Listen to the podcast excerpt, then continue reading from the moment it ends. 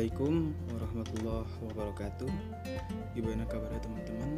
Semoga kita semua selalu diberikan keberkahan Dan apa yang kita lakukan hari ini dapat mendapat pahala di hari akhir kelak Amin, amin, ya alamin Salah satu penghasil keuntungan ialah bisnis atau perdagangan Berbisnis merupakan suatu kesejahteraan hidup masyarakat karena pendapatan yang diterimanya adalah nilai maksimum bagi produsen.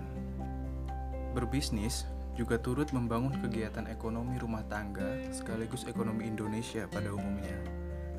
Berbisnis juga dapat mengurangi pengangguran yang ada. Bisnis adalah pekerjaan yang dianjurkan Rasulullah, di mana 9 dari 10 pintu rezeki terdapat pada dalam perdagangan atau berbisnis. Nah, tidak dapat dipungkiri bahwa motivasi utama dari kegiatan bisnis adalah laba, cuan, perbedaan antar selisih modal dengan penjualan. Persaingan perdagangan di era disruptif saat ini semakin ketat dan memerlukan sistem pemasaran yang mendukung dan harus menghadapi beberapa macam tantangan dan risiko serta harus bisa mengatur strategi jitu untuk selalu berhasil dalam berbisnis.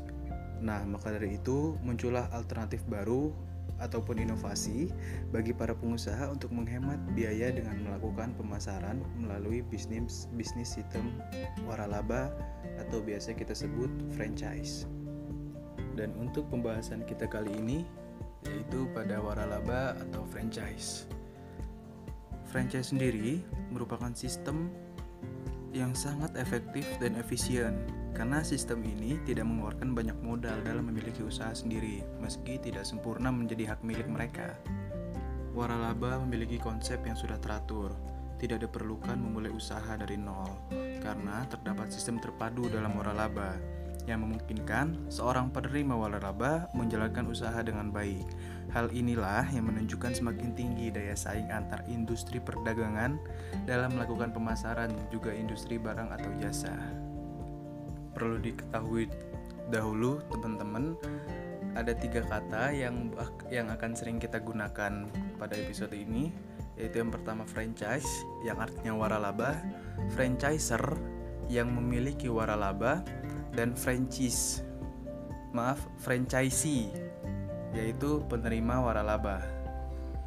Nah, seperti apa sih bentuk bisnis waralaba ini atau franchise ini?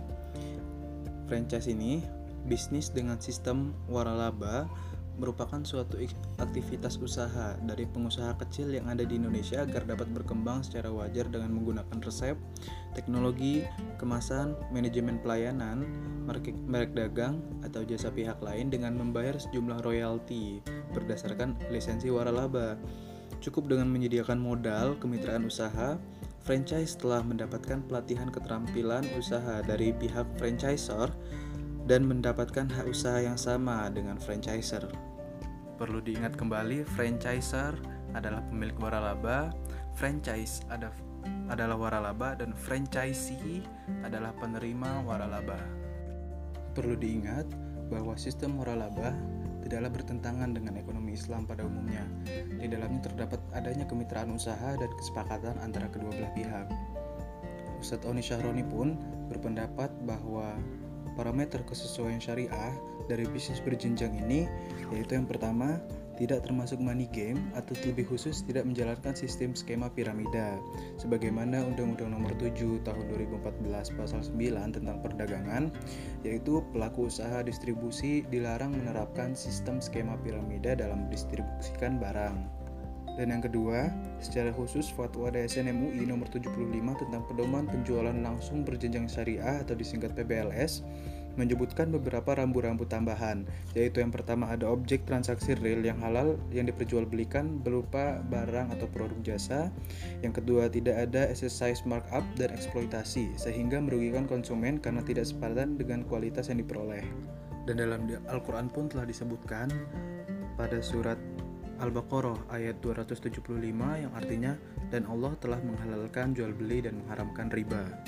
Di sini sangat jelas bahwa bisnis waralaba yang sudah kita jelaskan yang sudah kita paparkan dari awal bahwa waralaba merupakan bisnis atau perdagangan. Terdapat pula hadis Nabi yang bisa menjadi landasan atau acuan kita, yaitu hadis riwayat Khomsah dari Abu Hurairah. Nabi Shallallahu Alaihi Wasallam bersabda, melarang jual beli. Nabi Shallallahu Alaihi Wasallam melarang jual beli dengan cara melempar batu dan jual beli goror. Di sini waralaba diperbolehkan asalkan jelas dan tidak mengandung goror. Nah, bagaimana dengan kaidah fikihnya?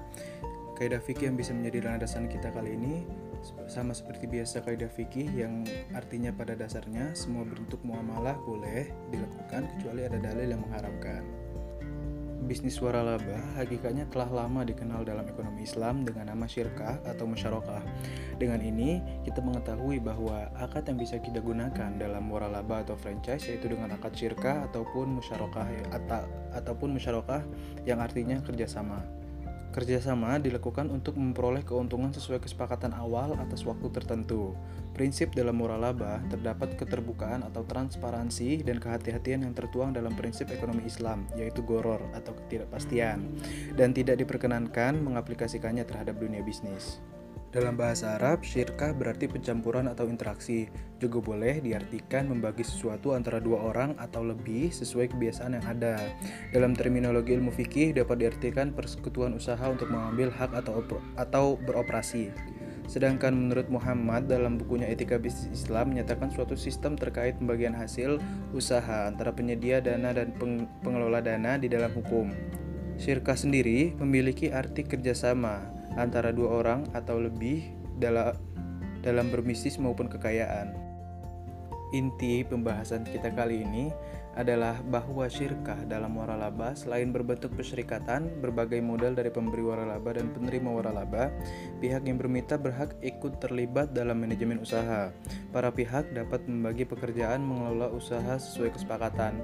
Hal ini terdapat dalam konsep perjanjian waralaba yang telah dipaparkan sebelumnya. Nah, dengan ini pada episode ini kita bisa menarik kesimpulan bahwa Islam membolehkan atau menghalalkan segala macam bentuk muamalah kecuali terdapat dalil yang menjelaskan keharumannya sesuai dengan kaidah fikih tadi. Bisnis waralaba adalah bisnis yang merupakan kerjasama antara pihak lemah atau bisa disebut franchise, franchisee, penerima waralaba dengan pihak kuat atau pemilik franchise yang disebut franchiser di mana keduanya dapat melihat kejelasan terkait apa yang harus dilakukannya dalam bisnis sistem muralaba ini. Karena di dalamnya terdapat sebuah perjanjian atau akad, yakni sebuah ikatan yang membuat pelaku bertanggung jawab terhadap apa yang telah disepakati dalam akad. Dan usaha-usaha yang sudah memakai konsep waralaba ini dan terkenal di Indonesia adalah salah satunya Indomaret dan Alfamaret, Foodpedia, McD, Burger King, dan lain sebagainya banyak sekali. Dan itulah mengapa Islam telah dari dahulu mengenalkan syirkah kerjasama dalam berbisnis supaya lebih mudah dalam meraup untung. Didapat dua kali keuntungan dengan bermitra, yakni keuntungan finansial dan keuntungan mempererat tali persaudaraan umat muslim khususnya di Indonesia. Cukup sekian pembahasan episode kali ini. Saya pamit undur diri, banyak salah mohon maaf. Akhirul kalam, Assalamualaikum warahmatullahi wabarakatuh.